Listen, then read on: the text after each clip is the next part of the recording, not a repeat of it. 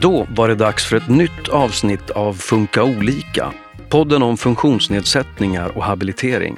Smärta är vanligt hos bland annat personer med flerfunktionsnedsättning. Men hur upptäcker man att någon har ont när den drabbade inte kan förmedla det med ord? Det ska vi diskutera idag. Jag har ju med genom de här åren som jag har jobbat med detta att jag översätter det mer till att det är en annorlunda smärtkommunikation.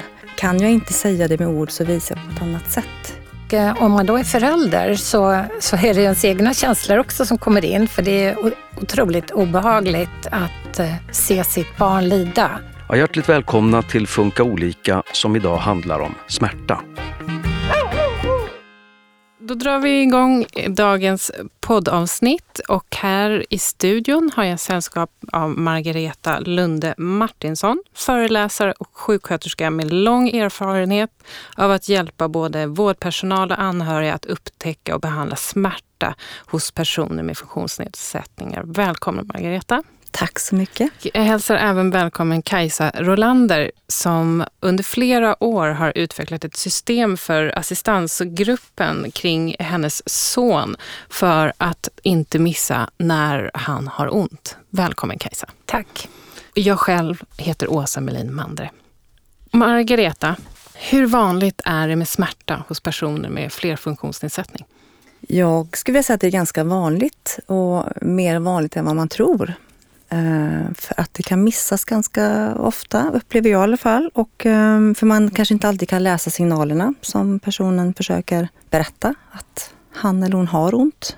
För det här är en patientgrupp som inte kan kommunicera med ord? Ja, och då är det svårare att vi ska se det. Vet vi någonting egentligen om hur vanligt det är med smärta? Ja, alltså jag har inte sett någon studie man har tittat på det, hur vanligt det är med smärta. Eh, men jag vet att den eh, jag vet att den finns, så kan jag säga. Men eh, det, jag, vad jag vet så finns det ingen studie som är gjord på det. Mm. Har du träffat många i din, eh, när du har arbetat som sjuksköterska? Ja, och när man väl börjar titta på det här med smärta så ser man smärta mer. Det är nästan man får på sig speciella glasögon helt enkelt. Så att har man väl börjat leta, du vet, så hittar man mer och mer. Så upplevde jag det i alla fall när jag kom in i verksamheten. Men om man inte vet om att någon har ont, hur får man då den smärtlindring man behöver? Ja, det är precis det som många missar. Man får inte alltid sin smärtlindring som man behöver. Så det är många som går runt och har ont? Ja. Hur löser vi det här? Ja, det är en bra fråga Åsa. Den hade jag gärna velat lösa för länge sedan. Men jag tror eh, att det handlar mycket om kunskap eh, naturligtvis i alla led i vårdkedjan. Att eh, vi uppmärksammar det här att personen kan ha ont jag ska utveckla det mer sen tänkte jag. Mm, ja, men ja. Vi återkommer till det. Mm. Och vi ska väl berätta för lyssnarna att vi, kom, vi ska gå igenom väldigt handfasta verktyg just för att kartlägga eh, smärta. Mm. Och hur man gör det ska vi eh, prata om. Men just när vi pratar om den här patientgruppen med flerfunktionsnedsättning, är det någon speciell smärttillstånd som är vanligt, som man missar? Alltså jag skulle vilja säga att man kan missa, ja det kan vara allt ifrån att man, tandvärk, Eh, alltså karies, hål i tänderna, gör jätteont. Mm. Eh, smärtor till exempel med ortroser, om man nu har, eh, använder sig av dem. När man ståtränar i ståskal kan också göra jätteont för många. Ont i halsen. Vanliga smärtor? Förstoppning. Mm. Mensvärk? Mensvärk. Så, ja, jag skulle säga att det finns hela registret av ont de här verktygen som vi ska prata om, det handlar mycket om dokumentation om jag har förstått rätt. Ja. Vi har ju sällskap här i studion av en förälder som har blivit expert på att utveckla den här typen av eh, ah, verktyg och detektivarbeten. Kajsa, din son, kan du berätta kort om honom? Eller vi kanske ska säga först att han har ju faktiskt inte det som definieras som en flerfunktionsnedsättning. Men han har väl det som är det viktiga gemensamma draget är att han inte kan berätta när han har ont med ord. Ja. Jag har en vuxen son med utvecklingsstörning och autismdiagnos. Och han kan prata, men han kan inte uttrycka känslor och heller alltså inte då smärta. Hur berättar han för dig när han har ont? Ja, framförallt genom beteende, eh, förändrat beteende. Eh, han har väldigt tydligt berättat det genom att vara utagerande och självskadande. När förstod du att det berodde på smärta?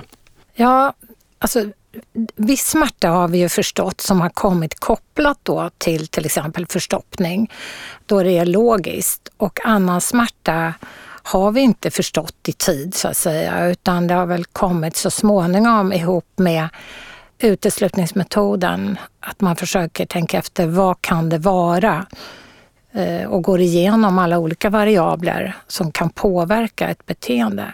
Hur var det när han var liten? Ja, alltså när han var liten så då var det väl mer sådär som man tidigare har fördomar runt personer med den här problematiken. Att han visade inte smärta utan trillade han så reste han sig och sprang vidare. Och vi tänkte väl att ja, det där gick ju bra. Och snarare var det väl så att han själv inte kunde uttrycka då att han gjorde illa sig. Så vi var nog lite dumma där och kunde inte tolka honom rätt. Det kan inte Kajsa vara ensam om, Margareta. Nej. Det, och det, man sa ju så för att de inte, hade, alltså de inte kände smärta, att de har hög smärttröskel. Det är ju väldigt vanligt att man definierar målgruppen, mm. att de ja, tål smärta bra. Och får man den informationen som förälder så, så reflekterar man kanske inte över att oj, det gjorde kanske ont, utan så ja. jag tror det är väldigt, väldigt vanligt. Stämmer det att man har hög smärttröskel om man har en funktionsnedsättning? Alltså, det finns ingen studie på det heller, utan det är någonting som har liksom hängt med under många år, det uttrycket. Och det fick jag höra också när jag var ny som sköterska i verksamheten, att de tål smärta bra. Och jag har ju med genom de här åren som jag har jobbat med detta, att jag översätter det mer till att det är en annorlunda smärtkommunikation. Kan jag inte säga det med ord så visar jag på ett annat sätt. Eh, så min definition eller min tanke med det här är att alla kan känna smärta men visar det på ett annat, alltså mitt individuella uttryckssätt. Det är ju det som är ja, nyckeln till det. Och för din son var det att han blev utagerande? Utagerande och självskadande. När började ni liksom jobba med att liksom kartlägga när han har ont? Och hur kom ni igång med det arbetet? Ja, jag fick eh, en idé efter att ha varit och lyssnat på en föreläsning med en läkare som hade använt ett system med dokumentation på just beteende. För att eh, det vi utgår ifrån är ju alltså beteende kopplat till orsak. Att, att man alltid ska kunna härleda beteendet till en viss orsak. Och eh, där visar vi med färger hans eh, stämningsläge, eller vad man ska säga. Alltså om han är lugn, spänd, eh, uppvarvad. Det, ja, det här färgsystemet visar att det är väldigt lätt att visuellt bara se hur dagsformen är och man kan se mönster, hur han över tid kan vara mer spänd vissa perioder än andra. Då är vi inne på ett smart verktyg eller det här systemet ni har arbetat fram. Ja, ett, ett, mm. dokumentationssystem. Mm. Jag tror att du till och med har tagit med det hit i studion. Det har jag. Kan inte du ta fram så får vi kika på det. Nu kan ju lyssnaren tyvärr inte se det här, men det som eh, Kajsa håller upp, det är som en, eh, ja, det är ett rutmönster som det ser ut som ett barn har fyllt i olika färger. Ja, vi dokumenterar varje halvtimme med en färg och varje färg är beskriven väldigt tydligt och man dokumenterar eh, det man ser konkret och det får aldrig komma med vad man tycker och tänker. Utan det ska vara vad man ser. Och det här är för eh, alla personliga assistenter? Ja, det är det. Men det här kan man ju också använda som förälder, tänker jag, eftersom man glömmer väldigt fort eh, och man behöver ha ett system där man kan se under en längre tid vad som händer. Hur många färger är det du har? Det är sju färger, där en är sömn. För sömnen påverkar ju också måendet på olika sätt och sömnen kan ju visa att du har smärta genom att du har dålig sömn. Det måste ju vara väldigt viktigt att man eh, följer exakt samma definition. Ja, det är det och det är en svårighet. Eh, man måste ta upp det här på personalmöten eh, då och då och kontrollera att man är tänker lika och att man gör lika och att man läser till beskrivningen av vad färgen ska verkligen visa så att det inte blir tyckande och tänkande. För då faller ju hela systemet. Och hur ser man förändringar då? Ja, vi kan ju se förändringar då att han blir mer spänd eh, kopplat till förstoppning till exempel. Eh, och då vet vi det. Men sen kan vi se andra perioder att han blir spänd och då kommer det här detektivarbetet igång och börjar fundera på vad kan det bero på? Och det är ju inte säkert att det har med smärta att göra utan man får ju då gå igenom andra saker som kan påverka, yttre faktorer. Men man, man måste hela tiden, tycker jag, ha kroppen och kopplat till smärta i bakhuvudet när man läser av en person som inte själv kan uttrycka sig. Är det liksom det du kollar av först? Om det är någonting som förändras? Det har blivit så mer och mer. Jag, jag tänker annorlunda nu än vad jag gjorde för en 8-10 år sedan. Då tittar vi mycket mer på de yttre faktorerna. Och hur ofta är det att han har ont som är problemet? Alltså nu har han smärtlindring dygnet runt så att nu har han ju inte så ont längre. Och det, har också, det ser man också i dokumentationen. Och framför allt så har det här självskadande beteendet minskat radikalt, det är nästan borta. Fantastiskt att höra. Mm. Margareta, är det här ett eh, utbrett arbetssätt? Alltså det som Kajsa, alltså som de jobbar, är kanske inte så utbrett men det är så himla bra. Eh, att man får vara så detaljerad. Man ser ju över tid väldigt överskådligt också med färger. Och det som jag blir så glad också med att höra det här att de jobbar på det sättet, är att den informationen är ju otroligt viktig att få med till exempel till läkarbesök. Mm. Att man kan påvisa det här att det inte bara blir det här att ja, men han är lite annorlunda nu eller eh, han sover lite sämre, eh, verkar lite spänd. Det blir mer, det är inget att ta på. Har man med sig antingen sån här färgkarta eh, eller andra mallar så att man, man eh, vad ska man säga, bygger, underbygger det här att det är lättare faktiskt att tolka det man ser och även för de andra som ska hjälpa till.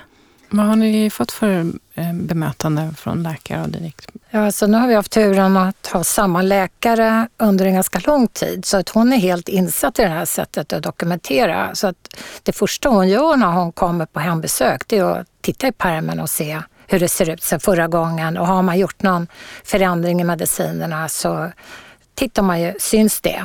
Har ni hållit på tidigare med det som Margareta beskriver, att man liksom försöker bara verbalt kommunicera en känsla man har av att han har ont, innan ni började med det här tänker jag? Med läkaren? Mm. Ja, det gör man ju. Och eh, om man då är förälder så, så är det ens egna känslor också som kommer in, för det är otroligt obehagligt att eh, se sitt barn lida, eh, vad det nu beror på. Eh, så att det här är ett jättebra verktyg också att kommunicera med andra. Margareta, andra sätt som är vanligt, att det du kallar annorlunda smärtkommunikation. Mm. Självdestruktiv, eh, biter sig, eh, mer irriterad. Eh, jag skulle säga sover sämre. Det brukar vara en, också bra att man mäter det eller kartlägger sömnen.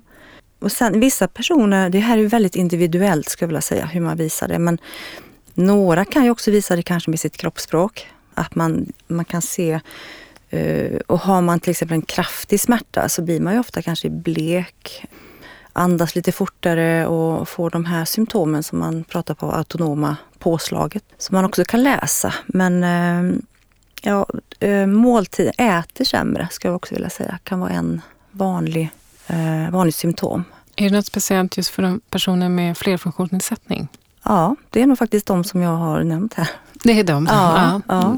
ja, för jag har nästan aldrig sett någon som sover riktigt bra när man har riktigt ont. Utan då är det sömnen blir svängig.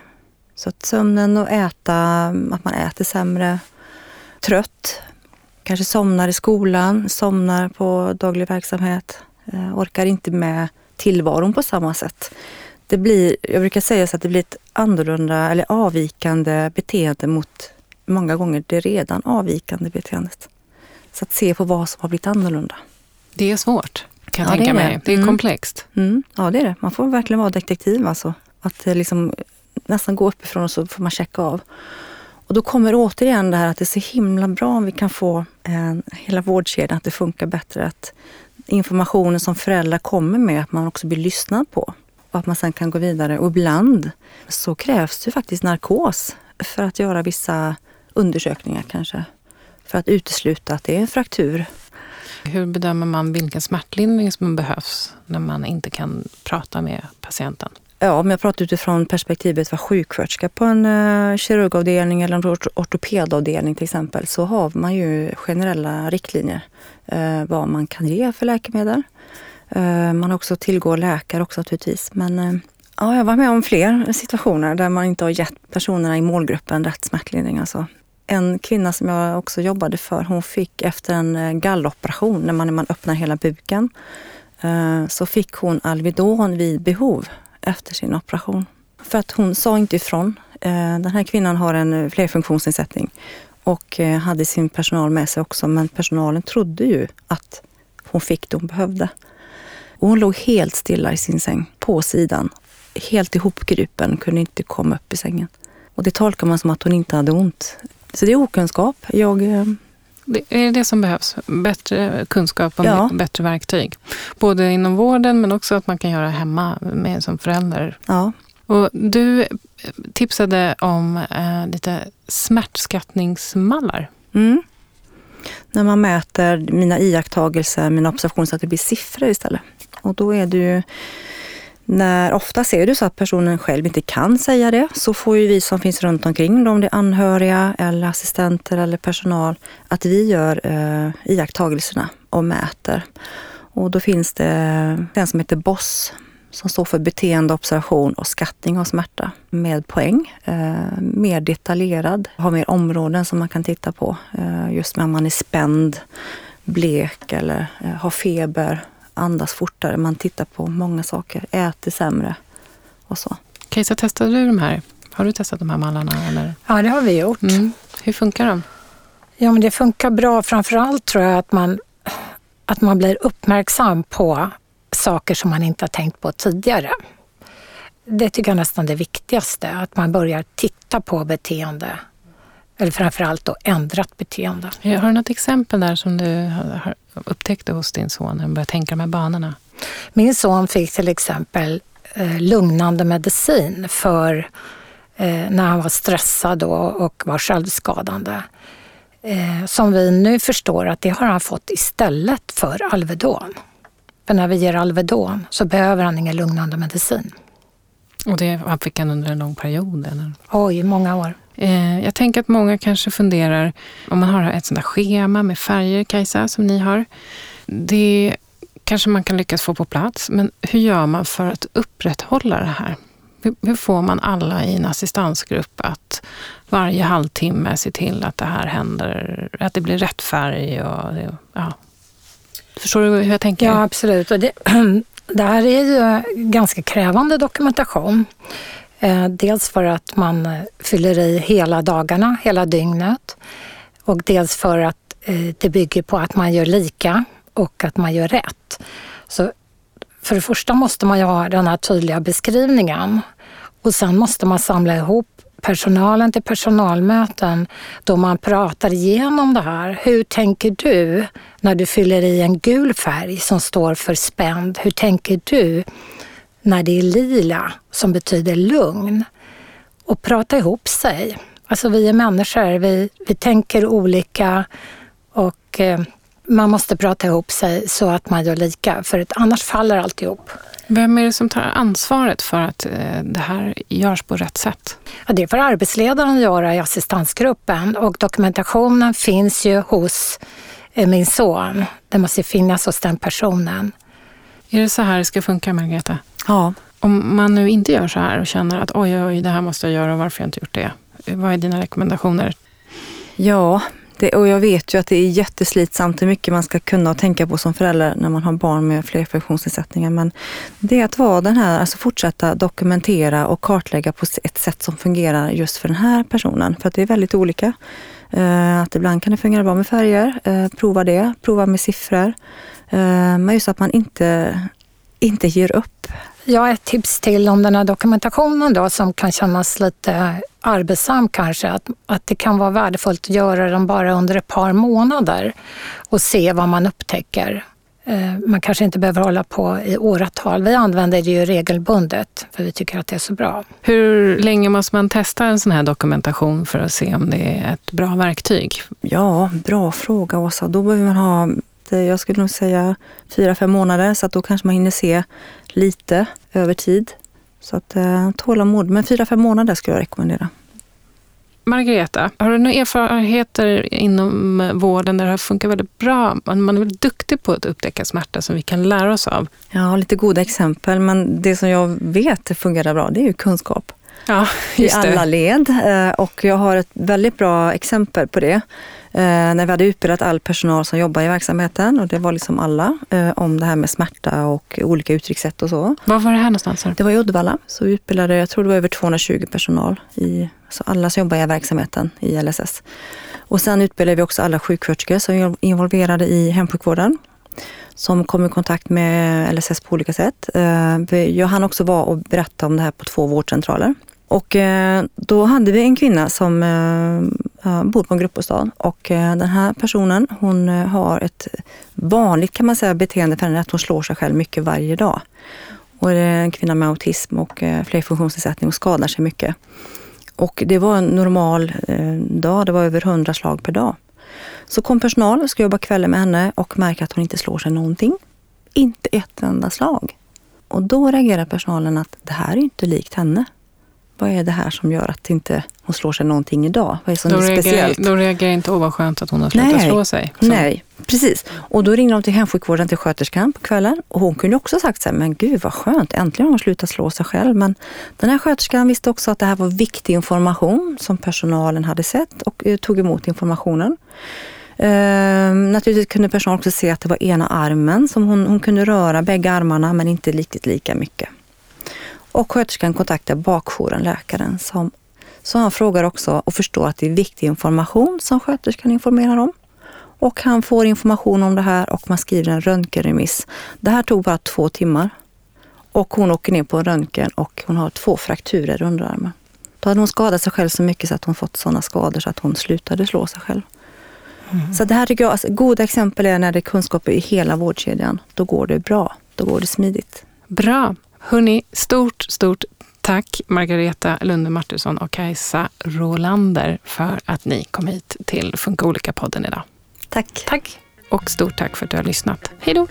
Du har hört Funka olika, en podd från Habilitering och hälsa i Stockholms läns landsting.